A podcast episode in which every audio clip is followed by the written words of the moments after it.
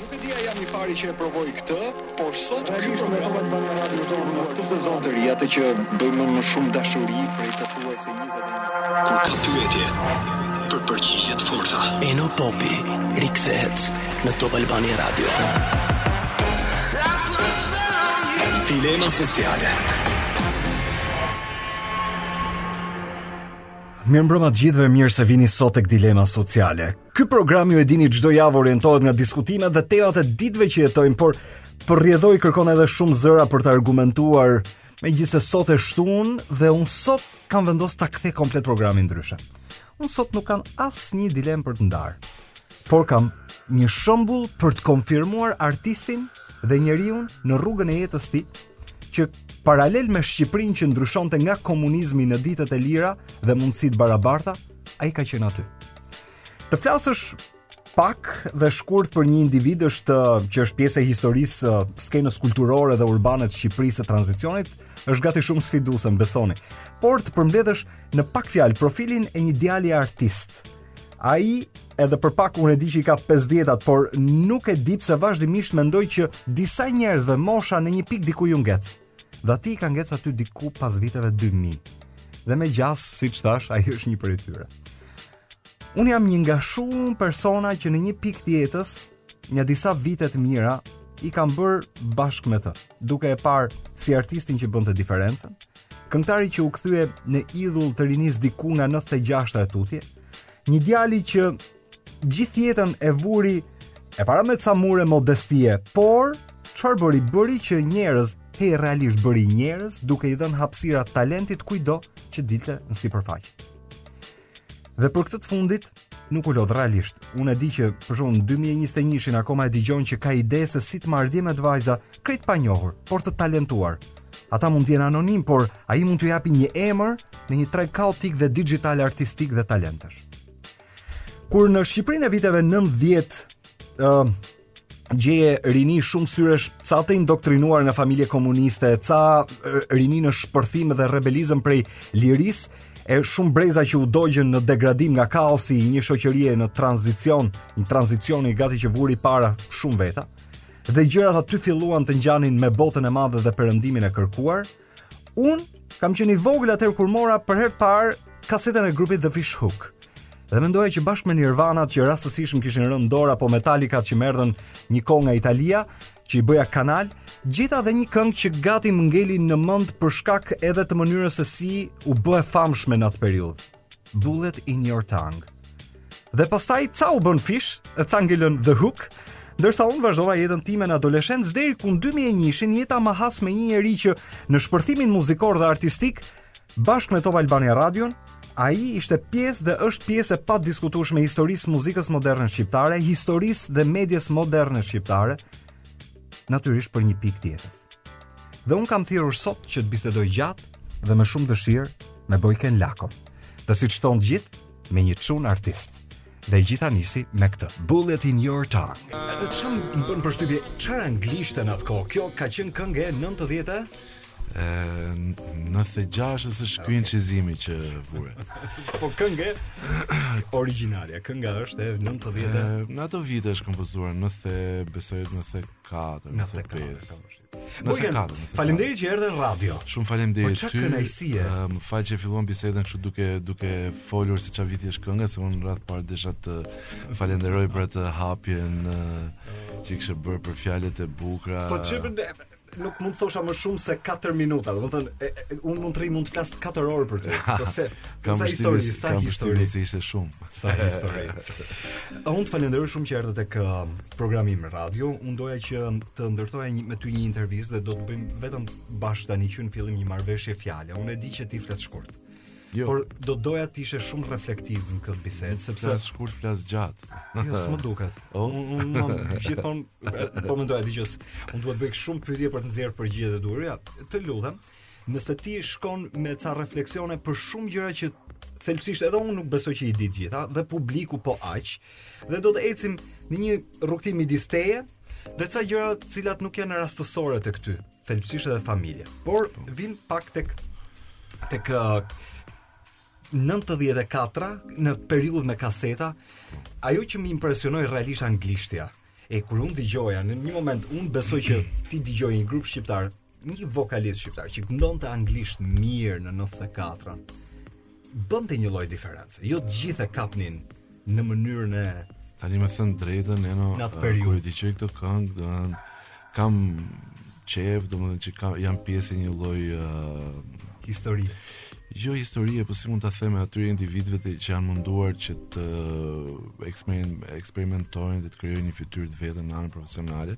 por gjithmonë më vjen keq sepse ka shumë lë shumë për të dëshiruar anglishtja. Pavarësisht se duket sikur është mirë, ka shumë gabime.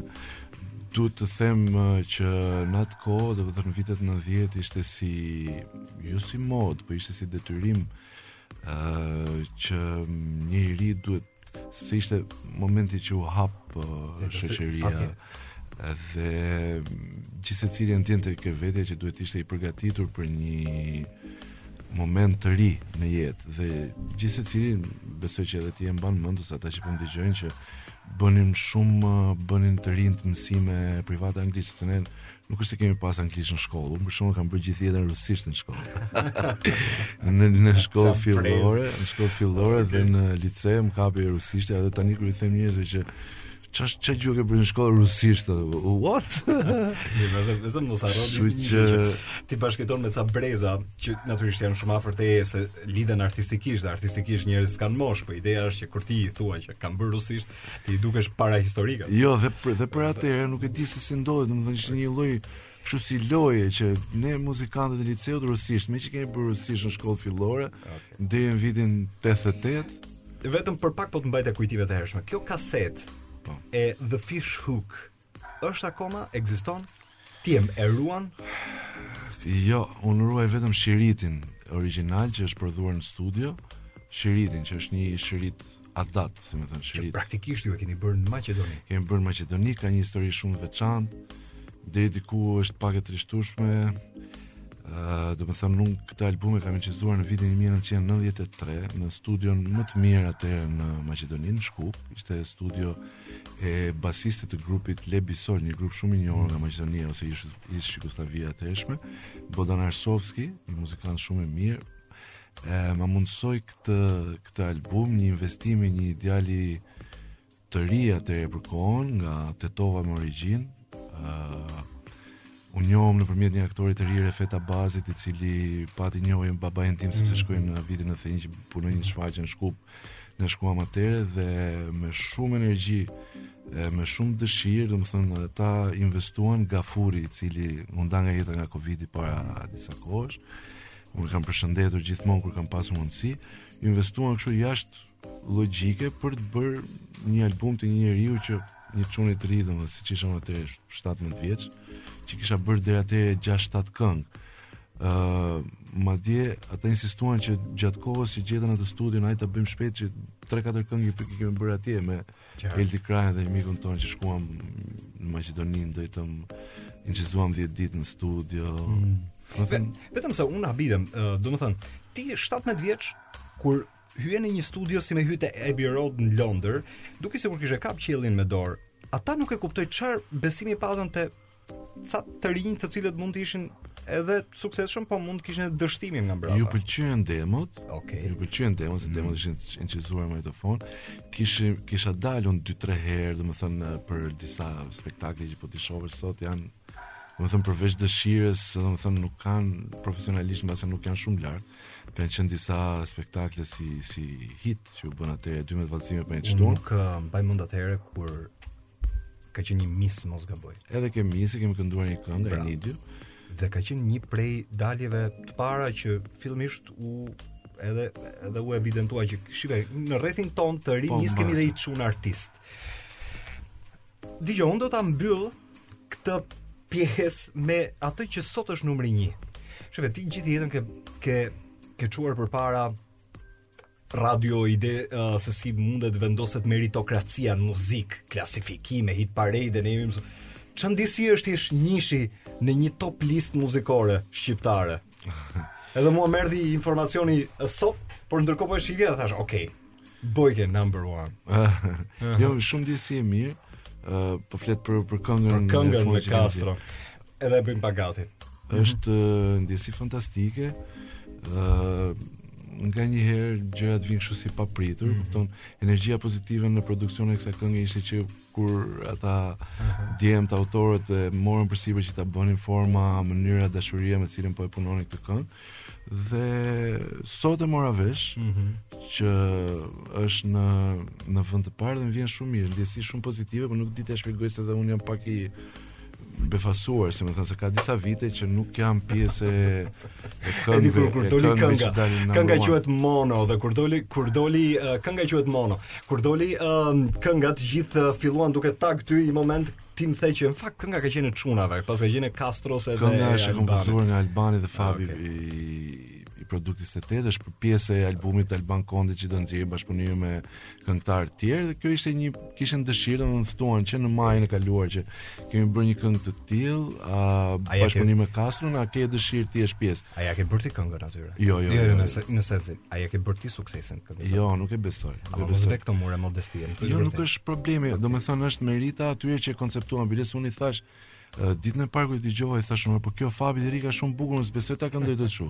Po jo se duam, thanë kemi një tjetër vibe te zërin tënd, kështu që vibe i zërit, zërit, the voice. Dëgjoni tani Bojken Lakon. Kënga është e Alban Kondit Castro po ashtu, uh, thënë, kënga quhet Mono edhe pse ju jeni të tre. Po video ishte ajo që tërhoqi më shumë vëmendje publikisht. Dëgjoni tani, ky është numri 1 në top list. Mono. Dikush më shkroi me këngën Bullet in Your Tongue më ktheve tek adoleshenca tek rinia. Mm -hmm. Nuk ishte me ndonjë qëllim. Bojken, çfarë muzike po bëhet sot sipas teje? Ëh, uh, nga përshtypja që ti e ke një një opinion. Për mendimin tim nuk bëhet shumë muzikë e mirë. Mm -hmm. Muzika është pak plastiko sintetike në kuptimin e përgjithshëm. Po, përsa i përket soundit, Por nuk do të thotë që në këtë plastikën dhe sintetikën nuk ka dhe krijime shumë të mira eksperimentale, siç është albumi i parë i Billie Eilish ose Po kryesisht neve jemi futur ke mainstreami, ke industria e muzikës ajo e cila kap majat e klasifikimeve ose që mbush ato ë uh, 10-ën, 20-ën, 30-ën, 100-ën e Billboardit dhe nuk kemi shumë hapësira në këtë bumin e informacionit që të shohim Edhe çfarë krijohet tjetër. Gjithsesi, mm. ka krijime të tjera që nuk janë pjesë e uh, muzikës që konsumohet shumë. Ka grupe që prodhojnë, këngëtarë që prodhojnë, po besoj siç është bota në përgjithësi në një lloj ngërçi, edhe nga ana sociale, ekonomike, shpirtërore, ashtu është dhe muzika se është pasqyrë. Nuk e di, e mendon Bojken, po kështu ka qenë gjithmonë. Do jo, ka pas a mendon vërtet se unë përpiqem me memori të kthehem në kohë të ndryshme dhe them, dëgjoj, mainstreami si koncept ka qenë. Pra masa ka pas mundësi të konsumonte një lloj arti, por ai që ka dashur të gjej diçka më të thelluar dhe më indie, ka ditur ku ta gjej. Jo, po ky është momenti më i keq e pse e mendon kështu? Po, është momenti më i keq gjithmonë muzika ka shpërthime rreth çdo 20-30 vjet, që ka shpërthime të thyrjes së barrierave dhe të asaj si me thënë, monotonisë muzikore ose një loj fjetje të rrymave që krijohen dhe pastaj shpërthen një nuk du të përdor as fjalën revolucion, se s'më duket e përshtatshme, po shpërthen një frymë e re e të menduarit, konceptuarit dhe të bërit muzikë.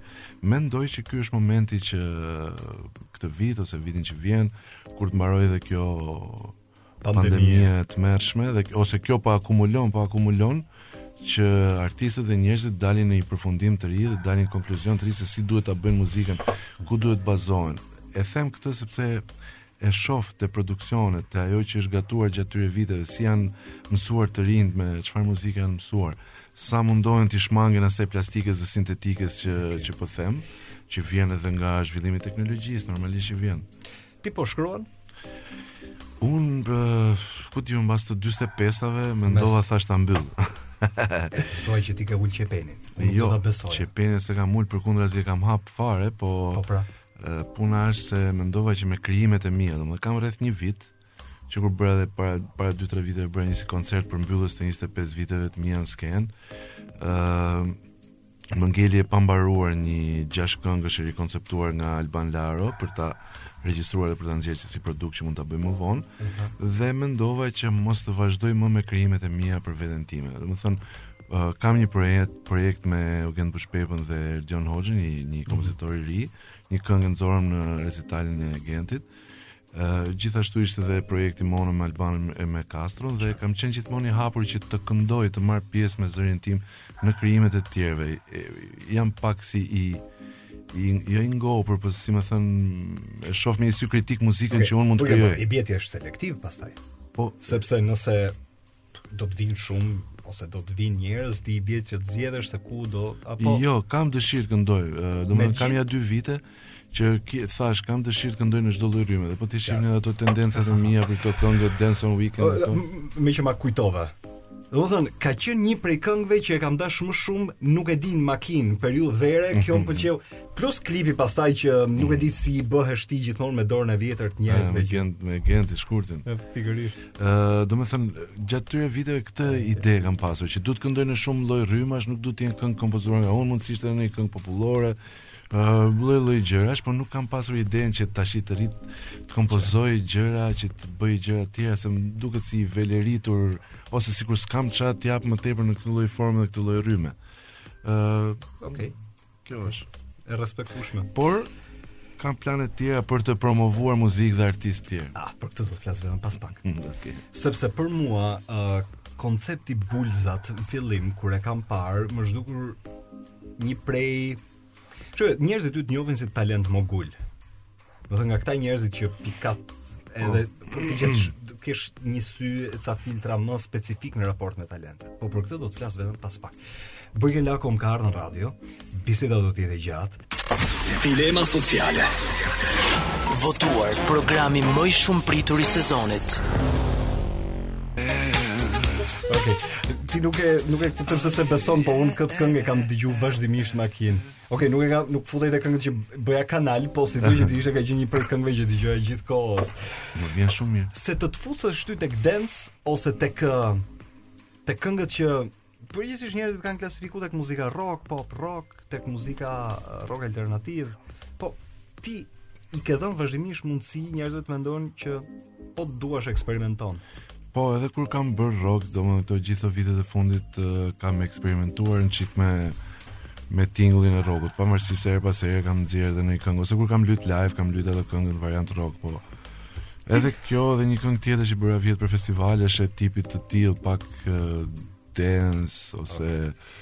Okay. Një prej, një prej pikave që ti më dole vetë tani, që kam dashur të të pyes është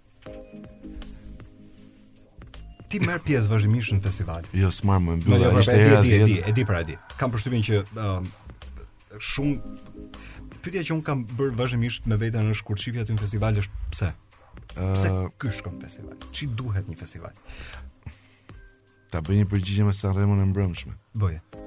Uh, unë jam rritur kështu si pak natyrë më rebeli që San Remo nuk e kisha, domethënë, shifja më shumë nga Amerika, nga kultura anglofone, mhm po në vitet 99-2000 kur filluam edhe Top Albania Radio, mbaj mend që Tani kishte këtu pa fund ato CD, double CD të San Remo në 99-2000-2001 që ka qenë dhe bumi okay. i promovimit të artistëve të ri, ku, San Remo bëhej me 4 net dhe e, si me thënë, e San Remo e më moderne. Okay.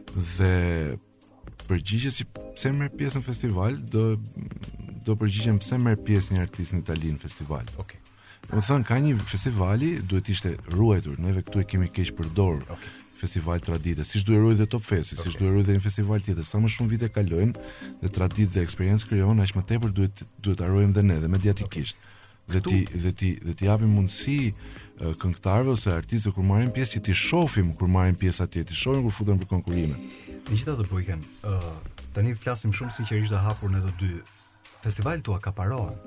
Festivalet Unë s'kam marrë pjesë në një festival për për të marrë çmim. Biles dhe kur u tërhoq Elhaida Dani vitin që dola në vend dytë me Nuk e mbaj mend tash mirë se çka kanë po Dance on Weekend, Bojken Lako. Unë më fal ë um, ka qenë një këngë me Bojken Lako Band Të ndjej quhej që ishte si form dance rock. U tërhoq Elhaida, më propozuan dhe meqë është tërhequr duhet shkosh ti që je vend i dytë. Edhe unë ju thash që bëjini Elhaidës një këngë tjetër, sepse mu vjen mirë që të shkoj një talent e cila e ka dhe publicitetin gati uh, Sepse e kam marrë një famë nga Voice i Italisë, domethënë nuk është se kam hyrë në njërë aty. Kënaqësia ime për shembull ka qenë fund vit. Fund viti është një si një festë dhe çdo festival kur merr pjesë në fund vit ka një harmoni shumë bukur me këngëtarët, orkestra e atje, gjë fantastike. Nëse dikush që po dëgjon, mund të bëjë vetëm një analizë të vogël. Të dëgjon, po. ky është një djalë artist hyn sepse në termat dhe në Në analizën e vet personale, festivali, sido që të jetë si tribut, mund të rrijë një artist. Por dhe një herë, ti e di se jeton këtu. Ti e di po. çfarë do të thotë që që në nisje të nëntorit, uh, diskutimet urbane të Tiranës janë saktësisht në kokë, se kush e fiton festivalin. Kjo është... Unë nuk e di sa e, sa e lëndon kjo një artist, qoftë edhe kur Ne vazhdimisht kur lexojmë listat dhe gjejmë, unë vazhdimisht kur lexoj listat dhe shoh emrin tënd aty them me vete po më mirë kur kjo gjëja flitet pse detyrimisht do duhet të jesh pjesë e garniturës po është gabim pra shiko un kam qenë pjesë organizative se nuk duhet të harxoj minutat një vit kemi qenë 4-5 producentë që na quajtën ato po. që mblodhëm goxha këngëtarë të mirë dhe nuk kishim uh, Domethënë as, as një ndikim deri në një farë momenti. Pastaj? Dhe u bë festival që po të digjosh këngët e atij viti, po asnjë nuk e mban mënd. Uh, nata e parë dhe nata e dytë kanë qenë këngë fantastike, ka qenë Gent Saliu, Gjon Limani, Lore, Linda Rukaj, shumë këngëtarë, të cilët pastaj ata organizatorët nuk i nxorën në finale, por ama ne si producentë i ftuam. Në qoftë se festivali organizohet pa hile nga ana organizative. Ka pas dhe vite për shembull kam qenë në juri. Ishte një vit që bëri Mond Zhulali na tha, nuk dua fare as ndikim, nuk do të ndikoheni fare. Që shkoi Genti Lako me në Eurosong. Mirëpo që kur përqendrohet vëmendja se kush do shkojë në Eurosong, që këtu është gabimi organizator. Për shembull pashë mbrëmë Sanremon në ora 9 të darkës deri në 2 të mëngjesit nuk u përmend Eurosong, u bë vaki çon një këngëtar të ri Domethënë, është është është mënyrë e keqe si mendohet. Megjithatë, mos harro një gjë, qasja që italianët kanë me uh, Eurovisionin, ata nuk e shohin si inferioritet këtë punë. Pra ne e shohim po që jemi shohim ne si inferioritet. Këtë, se ne këtë ma thuaj ti si artist. Ne kemi pas pa Eurosong, unë dhe unë kam pa Toto Kutunjon me shokë. Ma thuaj ti si artist. S'më pëlqente as atëherë. Familja ime nuk më ka ushqyer me ndjenjën që Eurosong është festivali më i madh në botë. Biles në Angli tallen me Eurosong. Pse e trajtojmë ne kështu atë? E trajtojnë mediat dhe organizatorët e festivalit, nuk e di çfarë arsyesh kanë. Po ku di unë për të ik, për me bo gallatë dy java a një muj, se di ça. Okej, rregull. Nuk është kaq e thjeshtë, duhet me diskutu, duhet me diskutu. Edhe mundet, unë s'dua. Duhet me diskutu gjatë se nuk hidhet me kaq, domethënë. Ka pas momente të mira dhe të përfaqësimeve tona në Eurosong dhe dihet çka qenë mirë. Patjetër. Si Eugent uh, Bushpepa, ishim. Po jo vetëm Eugent Bushpepa, Rona Nishliu. Rona uh, fantastike. Përfaqësimi i Shqipërisë ka qenë Anjeza Shahini në ato fillime.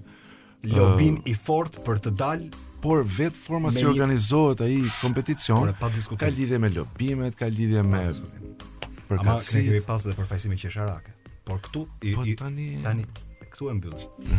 Eurosongun edhe merrem pak me Bulzat, bulzat, un ta thash ti e përmendë pak më parë, talentet e reja, djem e vajza që duan të evidentohen, Sa unë nuk e di, ty të ka humbë numërimi, po sa i ke sa njerëzve i ke dhënë dorë nga një nga një anonim në një emër artistik.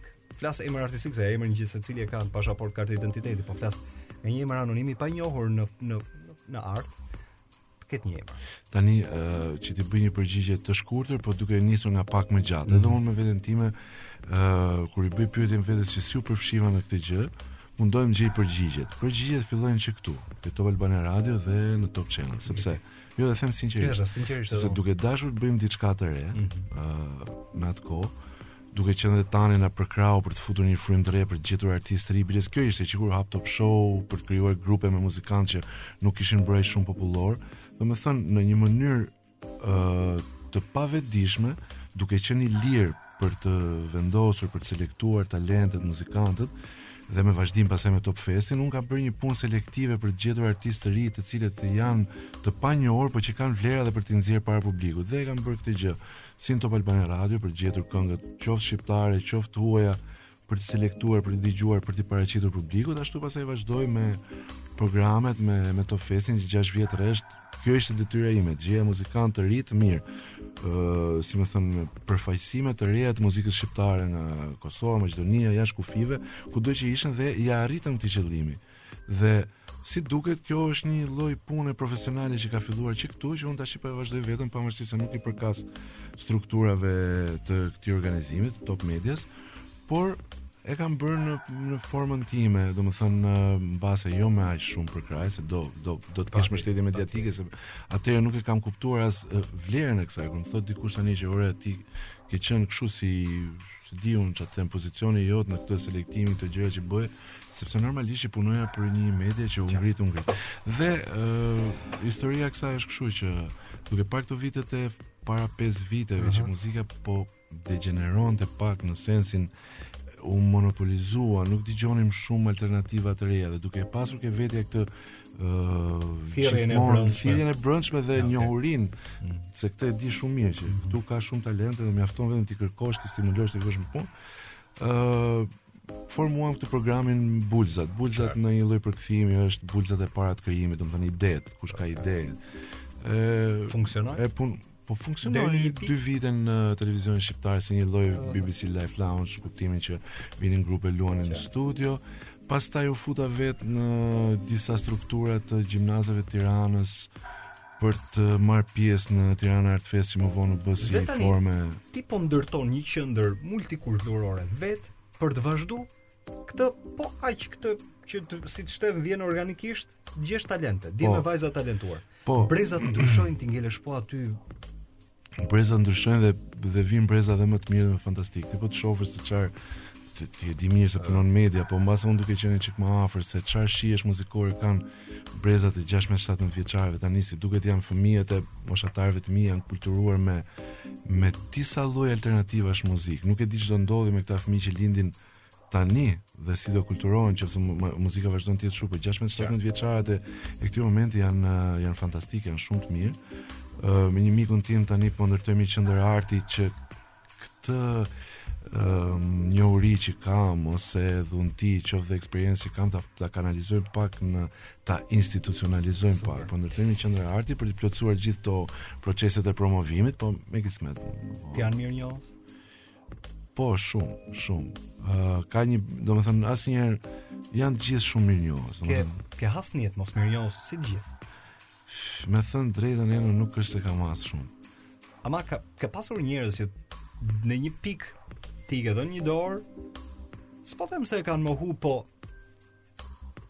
Jo, me mua nuk ka ndodhur, sinqerisht. As nuk mund të kesh pas pritshmëri, po të paktën në një moment e harroan. Jo, nuk ka ndodhur. Sinqerisht me mua nuk ka ndodhur. Ja nuk mund ta gjej tani se këto intervistat janë një çik problem, bisedat në studio, sepse kalojnë sa do rrimë këtu një orë e gjysmë, një orë 20, një orë. Edhe edhe të kujtohet ndonjë mosmirënjohje, por nuk ka vlerë në morinë e madhe të mirënjohjes. Po të dëgjoj. Merre lehtë, se është intervist e cila do të shkojë shtruar deri ë uh, në fund të orës. Do të thotë problem rri se do të falenderoj që erdhe. Dilema sociale. Votuar programi më i shumëpritur i sezonit. Mirë se u rikthyem tek dilema. Unë prej një ore jam në studio me Bojken Lakon. Unë nuk e fsheh dot që kam një lloj kënaqësi personale për një intervistë që rrallë më vjen, kam përshtypjen që OK, kurrë mos thuaj kurrë në situata tjera mund të takohemi, po këtë të sotmen e kërkova vetë, kështu që faleminderit që edhe po qëndron edhe po flasim uh, gjatë hapur, ça muzike po dëgjon ti tani vetë?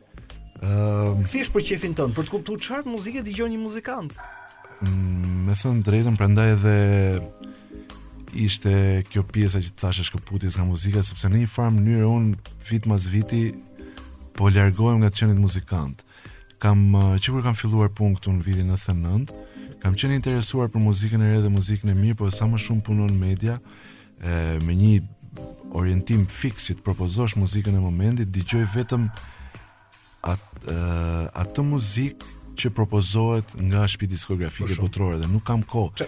Po dëgjoj hitet e fundit, çfarë po më pëlqen. Kam 15 vjet, 20 vjet që dëgjoj uh, hitet, domethënë muzikën më të mirë të mainstreamit, mundohem të selektoj për publikun për cilin punoj. Momentalisht punoj në televizion dhe jap rreth 10-12 video dhe këngë në ditë, dhe aty si me thënë ekspozoj, mundohem të ekspozoj më të mirën e muzikës që është në qarkullim të hiteve, kështu që nuk dëgjoj ë uh, kam vite që nuk dëgjoj muzikën që duhet të dëgjoja mbase, jam i interesuar ndonjëherë, po nuk më del koha.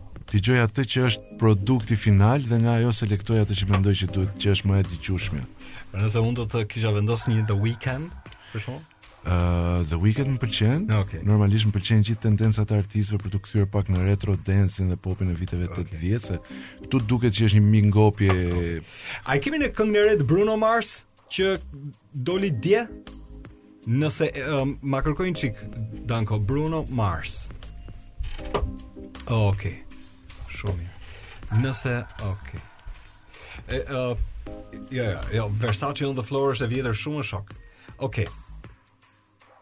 Okej, okay, kjo është. Tani unë dua të të thjesht të prezantoj ngaqë kishte 5 vjet pa nxjerr një gjë të mirë, një klip dhe më kthen pak Jackson 5, diku Ike Turner, diku Retro, mm -hmm. apo ç'i kishte lënë ato mustaqe të holla Bruno Mars, të dëgjoje, ndoshta e jep ti te programi yt i mëngjesit. Jo, ja, ti më informove tash, do ta kërkoj. Kënga quhet Leave the Door Open dhe është bashkë me Anderson Paak, po kam përshtypjen që kanë dy zëra fantastikë të dy.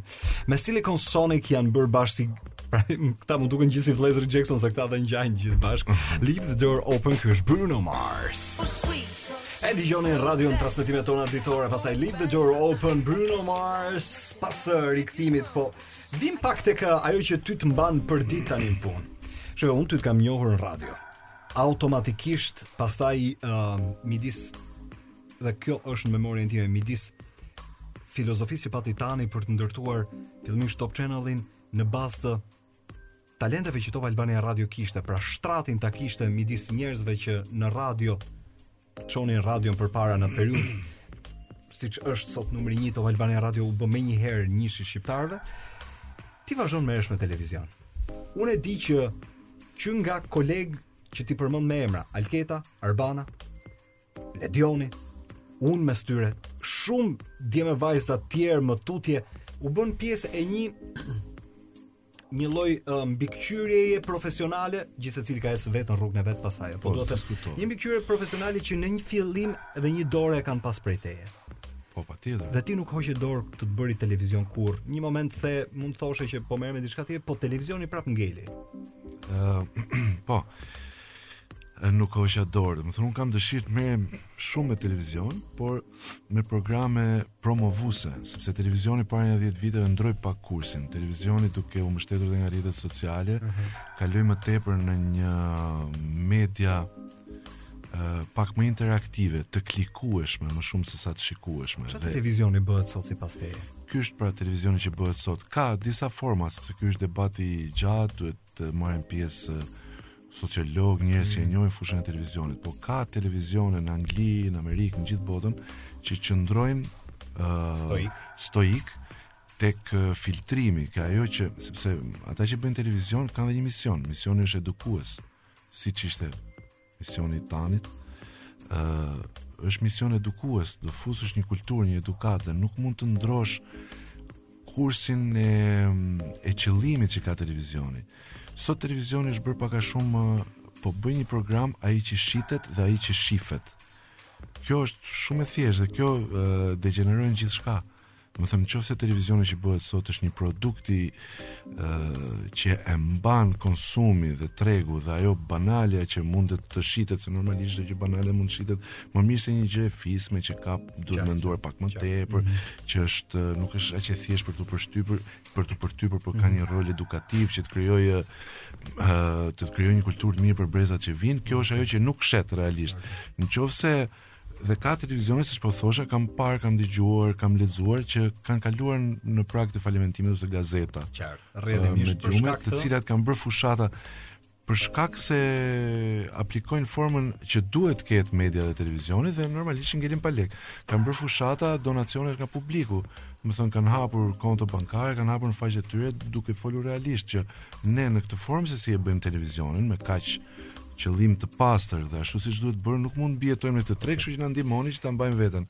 Dhe po njerëzit po kanë ndihmuar. Ti e shef si me të thënë kriza audience apo e shef si e jo, shef si një transformim të komunikimit jo, edhe nëpërmjet televizionit. Nuk e shoh ashtu, po e shoh që njerëzit që kanë televizion kujtojnë se mund të bëhet lekë në televizion. Tani nuk e kishte këtë. Domethënë Tani e dinte shumë mirë që mezi e bëri televizionin, radion me shumë mundime. Ëh, dhe nuk e shifte fitimin aty, se normalisht që të bësh media nuk është nuk mund të fitosh nga media, është domethënë në qoftë se do që të fitosh nga media, atëherë do të degenerosh edhe do ta çosh median në një nivel po tjetër. Po të isha si një menaxher tani, do të mendoja dhe do të të përgjigjesha komplet kundër, do të thosha dëgjo. Në thelb një biznes, edhe qoftë edhe media, qëllimin e ka të jetë rentabël. Po ç'a biznesi varet se ti nuk mund të bësh biznes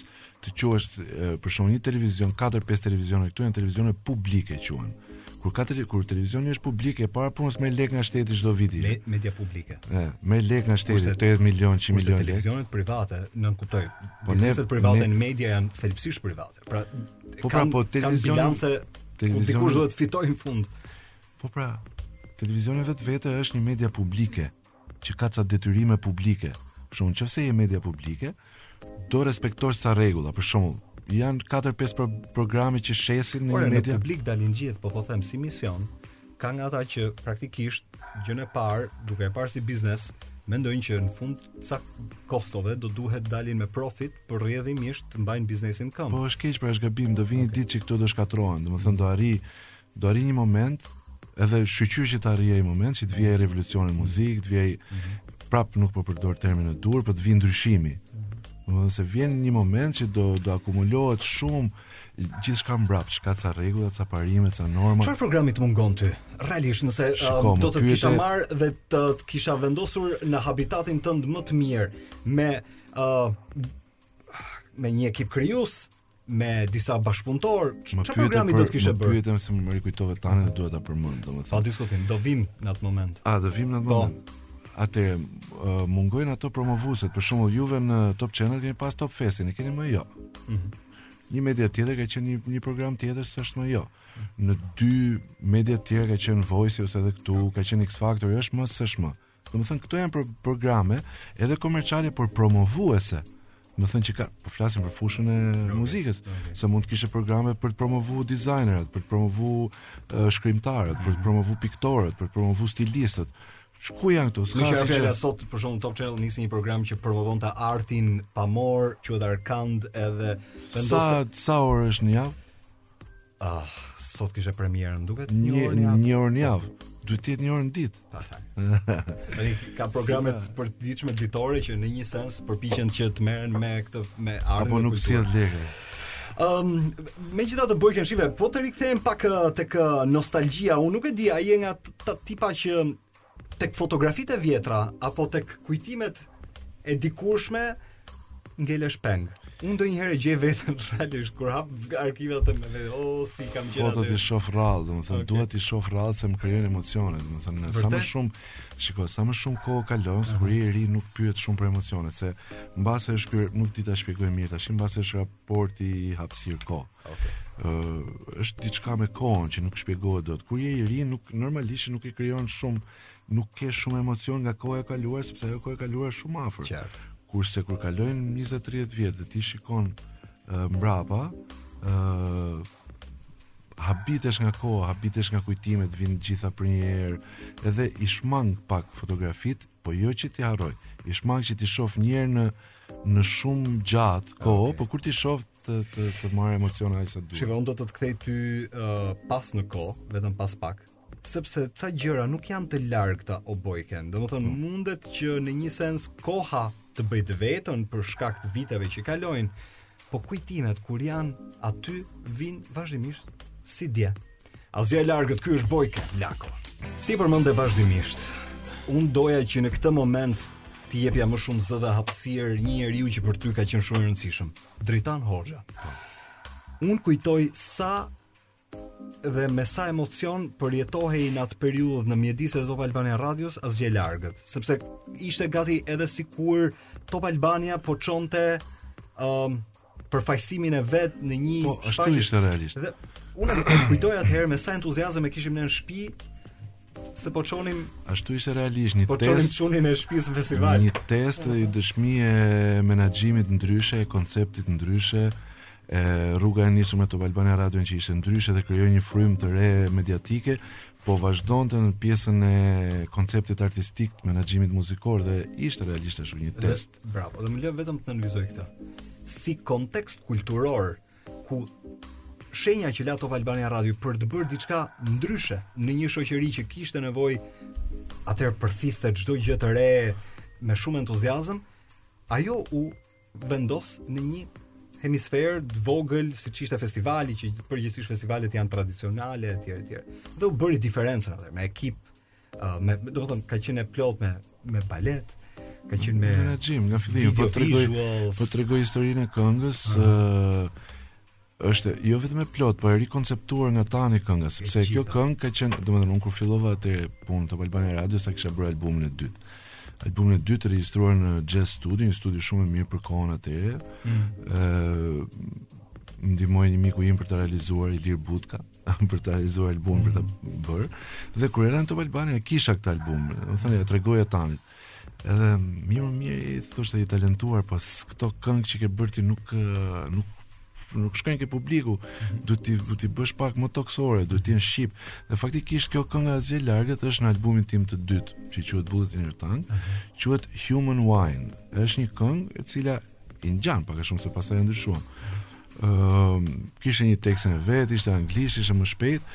Edhe Tani dëgjoi gjitha këto këngë dhe tha për për festival mund të bëni këtë që ta, ta bëni shqip, ta bëni më mirë, domethënë dhe duhet të them që që nga bulza e parë e këngës, domethënë, u rikonceptua nga ai, domethënë.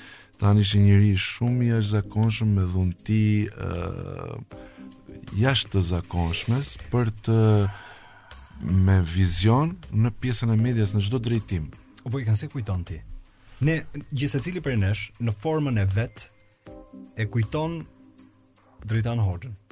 Dhe nuk e kujton dot uh, në mënyrë uh, të përvitshme për shkak edhe të datave. Po e kujton jo, në çdo moment. Ka në çdo moment tjetër se ashtu është. Se diku i shfaqet një moment kujtesa i bën vetën dhe ai është aty. Normalisht, siç ishte, domethënë, 9 ose 10 vjet për mua mm. bashkë si vlla. Mm -hmm. në punë, se atë marrëdhënie krijuam që nga fillimi, besoj që ashtu ata që po më dëgjojnë tash atë marrëdhënie krijonte me të gjithë. Ashtu edhe gjatë këtyre viteve që mungon, ë uh, gjithë uh, energjia e tij ose mësimet që vijnë nga talenti dhe nga individualiteti i tij i veçantë dhe jashtë normales është shoqërues në hapat e është shoqërues në hapat e jetës tonë duke lënë copra kujtimesh copra mendimesh ose definicionesh ose të energjisë që na udhëheq pak përpara dhe Shumë keq. Domethënë, s'mund nuk nuk mund të flas në bazat e reales për Tanin, sepse gjithçka që do flisja do ishte pak surreale, se ashtu ishte dhe ai vetë aty. Di çfarë, ndonjëherë edhe un po të jap një kështu konfesion personal, po e mbyll me kaq. Ndonjëherë un përpiqem që ë uh, ose kuptoja që bëja gabim kur përpiqesha që uh, të gjeja disa prej elementëve të tij të sjelljes apo menaxhimit te dikush tjetër. Nuk e nuk e dhe pastaj kuptoja që në fakt bëja un gabim, nuk do duhet që ta orientoja kështu.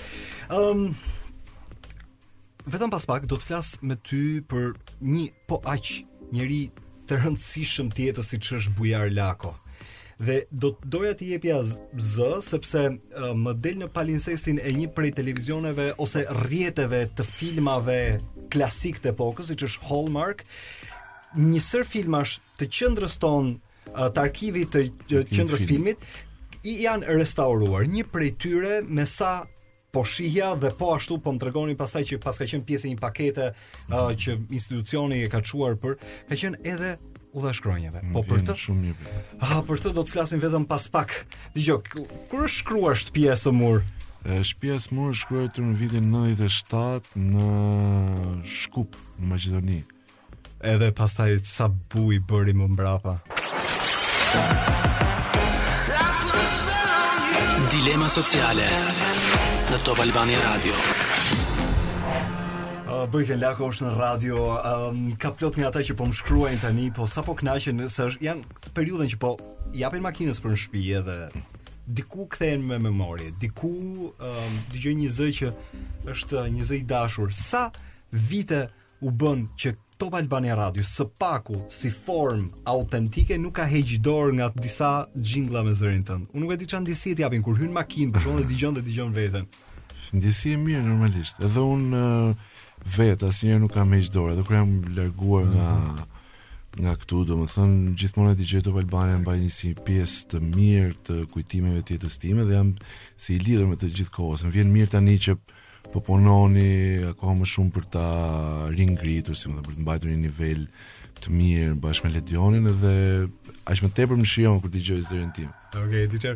Erdhën dy dy tre kolegë të radios dhe thanë Bojken ti para se të ikësh, na duhet pra të marrim zërin disa sample dhe disa jingle. Patjetër. Po ti je i mirë pafund. Tani vim pak tek um, një një bisedë që ndoshta ti e ke bërë me veten vazhdimisht.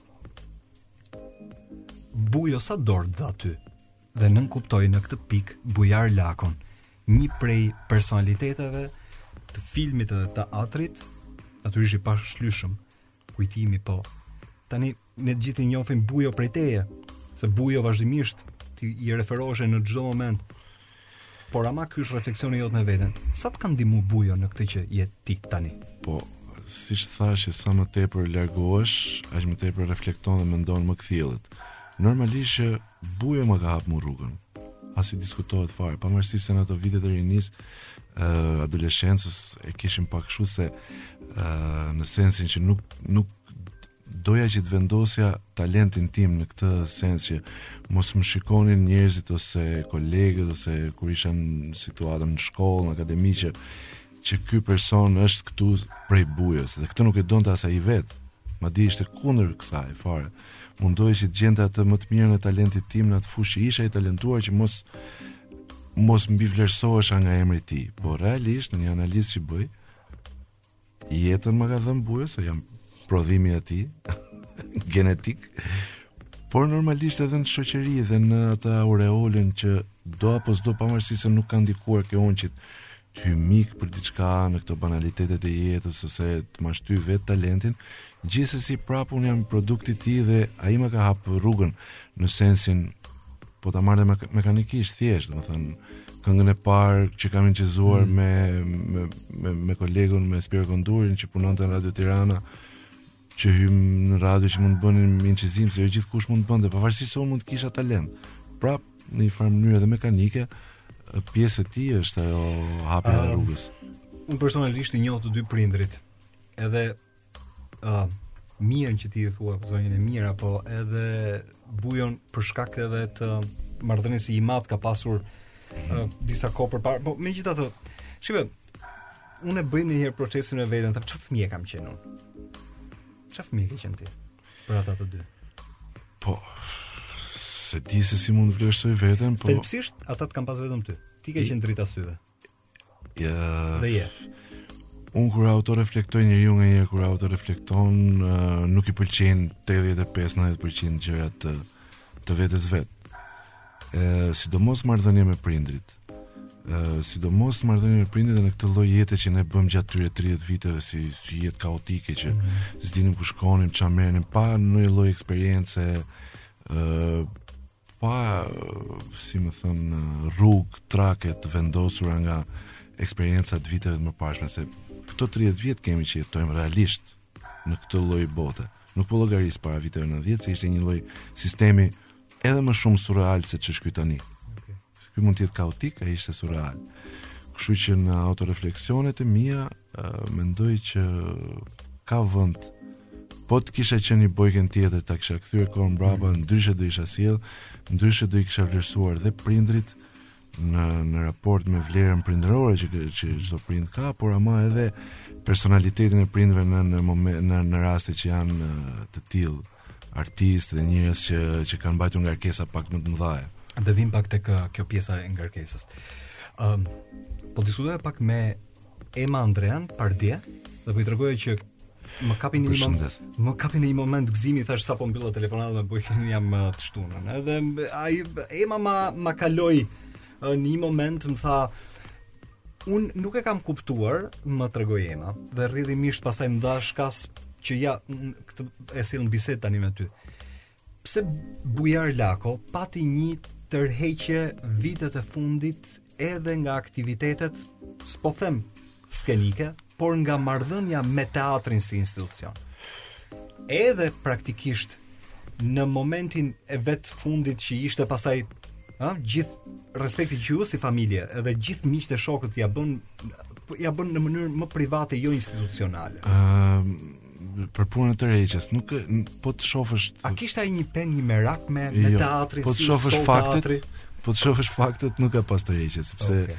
shumë pak para se u nda nga jeta bëri rolin e fundit që u dha para një jave në këtë festivalin online që bëri teatri, mm. me ato hap me Uh, Kush e solli Doruntinën që luante rolin e kryepeshkopit në teatrin e Durrësit. Okay. Bojën vetëm bëri gjithë ato shfaqje. Më po. lë vetëm ta riformuloj atë. Pse në komunitetin artistik se Ema ma solli si bisedë.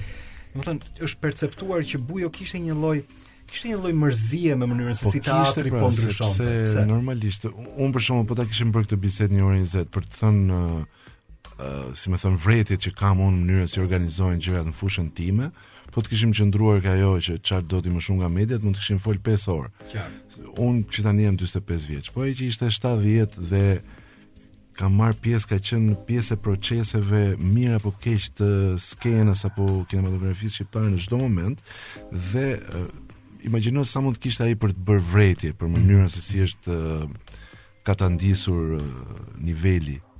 Gjithë gjithçka ka të bëjë me nivelin dhe ai personalitet artistik i, i madh se si mund të përshtatej në nivelin. Domethënë, ai ka refuzuar shumë role në fund. Qoftë në film, qoftë teatër, as te filmin Honeymoon, si e nxorëm në fund me regjisorin Goran Paskaljević që dhe i shkreti u nda nga jeta, mezi donte ta bënte, sepse donte të gjente veten e vet realisht. Jo hajt bëjmë një film, se të bëjmë një film e të marrim ato 5, 6, 7, 8, deri në 10 15 milion lekë, se aq janë pagesat e aktorëve. Domethënë, ka pas 2-3 momente që ka refuzu filma, dhe ka thënë, çe duhet ta bëj, për çfarë ta bëj, për të marrë ato lekë, kur s'e gjej veten në nivelin e mirë profesional. Dhe kjo është ajo që mund të ketë pas një tërheqje, jo jo se kishte një problem mendor ose ishte i gjithë gjithë kohës i mërzitur, kishte ditë shumë të lumtura, po ama kur vinte puna ke niveli që prit se un tani kam bërë këtë kam krijuar këtë emër, nuk them emër për hir të emrit, por këtë nivel artistik. Çfarë duhet bëj? Kishte shumë qejf të punonte. Mhm. Mm shumë qejf të përfshihej në punë, të lexonte poezi, të lexonte qoftë dhe dublonte filma, që filloi një farë kohë të dublonte mm -hmm. për Digitalb-in, po si thanë më. Okej, okay, okay. uh, prandaj ta sjell ty në bisedë sepse kam përshtypjen që nëpërmjet teje e njohim pak më shumë, edhe kuptojmë se sa të pa kompromis janë ca njerëz në raport me atë që u vjen. Artistët e vërtetë ashtu janë, nuk është vetëm babai im, po besoj që në çdo fushë, jo vetëm të artit, po edhe në fusha të tjera ka njerëz të tillë. Megjithatë, un um, ta thashë pak më parë, ka një një tentativë vazhdimisht për të për të jo vetëm uh, Bujar Lakos, po një sërë filmash për t'u ruajtur edhe për t'u për t'u pasur si pjesë e memos kolektive, pra memories. Unë e di që ca gjëra mbahen, por kur bëja një kërkim, më rezultoi që ti kishe bërë një koncert in memoriam. Më duket uh, ja, një këngë në festival. Një këngë. Sytë e shpirtit quhet. Është shumë këngë e bukur. Okej. Okay. Po ka paska qenë se më rezultoi duke bërë një kërkim në YouTube, një aktivitet për babin para disa kohësh Që ka qenë një koncert, pastaj me takime me intelektualë, mos gaboj.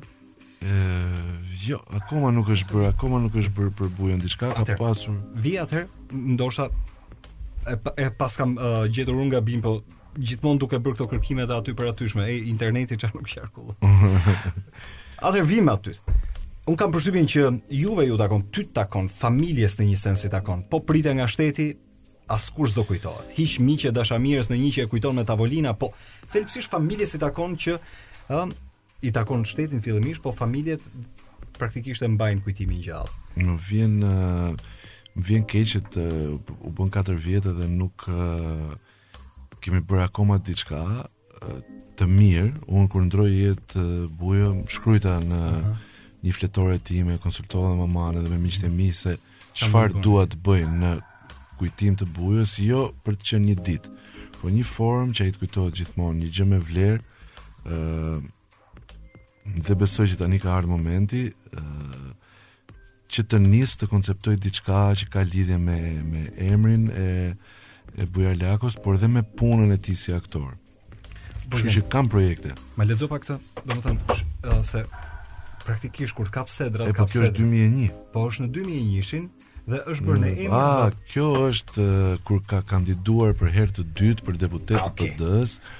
Unë kam qenë këtu atë në punë dhe këtu poshtë ke Piramida është bërë një si koncert uh, kur Bujo kandidonte ishte bashkë me uh, Mimoza Ahmetin, Besnik po, po, po, Mustafajn dhe Preç Zogajn dhe unë luajta pavarësisht në atë kohë kam, kam qenë pak euforik në, në formën time domethënë të asaj adoleshencës dhe kur bëra dhe performancën S'u kuptua shumë, po bëra një tentativë për t'ndihmuar babain atë. Jo shumë mirë. Gjithë, po, po jo, jo. Atë paska paska qen një mbrëmje, një mbrëmje e rrëzikut Bujos. Po ka qen nga ana ime, po unë dua ta skip, nuk më pëlqen fare. Po, ja pra, po shef kur kërkon diçka del. Po pra është 2001. Po mirë, tani shyqyr që arkivat i mbajnë ca gjëra, prandaj po them, edhe kësaj iu referova. Ëm, um, bëjën Këto janë dy pyetjet e fundit. Kam përshtypjen që jeta vazhdon dhe atë askush nuk e vizaton dot tjetrit. Pavarësisht ne përpiqemi që fatin tonë ta ndërtojmë në një mënyrë apo një tjetër, po jeta vazhdon, po vazhdon jeta e gjithsecilit e pavarur. Në momentin që duhet të vazhdojë mirë, duhet të vazhdojë kur jemi të gjithë bashkë. Nëse kuptojmë që duhet ta shijojmë jetën kështu ditë për ditë, Bujo thoshte në fakt unë jam budist. Okej. Okay. Ëh, se budistët e konceptojnë sotmen, vetëm sotmen dhe s'ka dje s'ka nesër. Dhe unë jam frymëzuar edhe unë vetë në këtë në këtë aspekt që njerëzit duhet ta kuptojnë më mirë jeta është sot. Okay. Sot kur i ke njerëzit, prindërit, njerëzit e dashur duhet t'i respektosh sot. Nuk ka plane për të ardhmen. Të më pyesësh mua kohë përpara që çfarë babai do ishe ti Popi ose çfarë babai do jesh ti? Nuk e di. Nuk e di se të më pyesësh çfarë babai jam sot. Nuk jam babai më i mirë në botë, këtë e di edhe ia ia ia heq vetes këtë gjën. Po çfarë babai do jesh ti nesër? Po ku e di, unë s'jam baba fare tashi, se s'kam fëmijë, por në atë ciklin e punës që bëj me të rinj për t'i futur në këtë rrugë, kam marrëdhënie me shumë fëmijë, më pëlqen. Ëh, që të kem besoj që të jem baba i mirë, po duhet ta ndaj mendjen nga çdo gjë tjetër. Vetëm t'i dedikohesh pastaj. Se duhet një dedikim dhe deri në këtë moment nuk e kam pas. Nuk e di, po të kishte qenë yt bir artist, fjala vjen për shembull. Po, do ta kishe lënë në rrugën e bukur, nëse do kishte talent. Po. po pa diskutim, dëgjoj, uh, ka shumë fëmijë artistësh që ti i ke kanë qenë dua të them uh, bashkosit e tu, Aty pastaj ti ke kuptuar që disa i kanë mbajt talenti i vet dhe disa ego e prindit. E, kjo është e keqe, domethënë, mendoj që mm. fëmija, mm. ose fëmija duhet të bëjë atë që është më i mirë për ta bërë që ndihet mirë dhe do që ta bëjë dhe nuk duhet t'i ndërhysh aq shumë në, në rrugën e tij. Ha, dhe që mos ta zgjasim, shive, unë e di që ty të frymëzojnë shumë njerëz, Po praktikisht uh, kur vjen në këtë moshë tek 45-at, uh, po ke akoma për të bërë dhe akoma për të dhënë. Më thuaj një unë e di që janë shumë, po diçka që mund ta evidentoje ti dhe ta nënvizoje nga ato krenaritë personale që njerëzit edhe e thonë me zë të lartë. Cila do të ishte? S'kam një krenari personale, me thënë të drejtën. Nuk kam akoma ndonjë krenari personale. Mendoj që në këtë proces që jam futur tani bashkë me mikun tim për të krijuar një qendër kulturore, të arrij nëse pasnesër pas 4-5 viteve që me punën time, me punën tonë të krijoj një një grup njerëzish që të bëjnë pjesë e shoqërisë artistike për të promovuar sa më shumë uh, kulturë, sa më shumë uh, histori, se duhet ta dimë historinë, historinë mm. s'e dimë fare. Mm uh, pikturë, dizajn, të kulturoj njerëz, të mundohem që këtë ndjesinë time që kam, dhe eksperiencën që kemi ta vëmë në shërbim të shoqërisë shqiptare që për momentin mendoj që nuk ka një një, një model të mirë.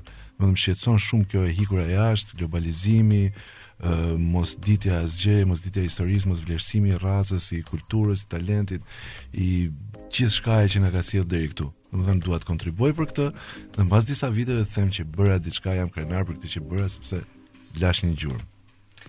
Si do ta kthej? Ti nuk je old. Ti je gold në një sens. Ah. Mirë, bro, okay. Domethënë janë ca gjëra të cilat si domethënë koha bën të vetën, po si si vlera vlen gjithmonë të dëgjohen edhe edhe të evidentohen. Unë kisha Bojken Lakon sot në radio. Personalisht mora atë kënaqësinë që bisedon me një njeri që ka qenë aty në jetën e gjithsecilit prej nesh në radio. Unë e thashë në nisje të programit, diku jetët tona janë takuar. Kemi ecur në një farë rruge, pastaj gjithsecili ka vazhduar të vetën, po për një gjë praktikisht ndihesh thjesht me fat që um, kur kthehesh me kohën mbrapa, kupton që disa njerëz të rëndësishëm kanë qenë aty për të ndihmuar, për të dhënë dorën, një prej tyre për mua dhe besoj dhe për shumë kolegë të tjerë, të cilët sot janë njerëzit më të rëndësishëm në median shqiptare, Bojken Lako ka qenë ai që i dha dorën. Shumë faleminderit. Puthë fatin është e fundit. ne do ta mbyllim tani. O Boku, shumë suksese me të gjitha. Faleminderit ty, shumë faleminderit. Uh, nuk të pyeta dhe nuk doja të pyesja për Covidin, sepse e di që Gjithë kjo bisedë e bukur prit, prit. Nuk do doja që të bëhej titull lajmesh abuziv se mendon apo s'mendon ti për Covidin se si është dhe se si s'është. Domethënë të futën në gojë për para ca kohësh, do doja që të them për Covidin. Unë nuk mund të flas fare derisa ka njerëz që humbin jetën, vetëm këmbëngul, do ta them tani. Vetëm mos fol, pastaj kam frikë të them tani. Do dilja unë i papërgjegjshëm. Jo, por do ta them vetëm një diçka. Dikush të shpjegojë se pse ditët e para të pandemisë mikrobi ruhej me tanke, kaq dua të di.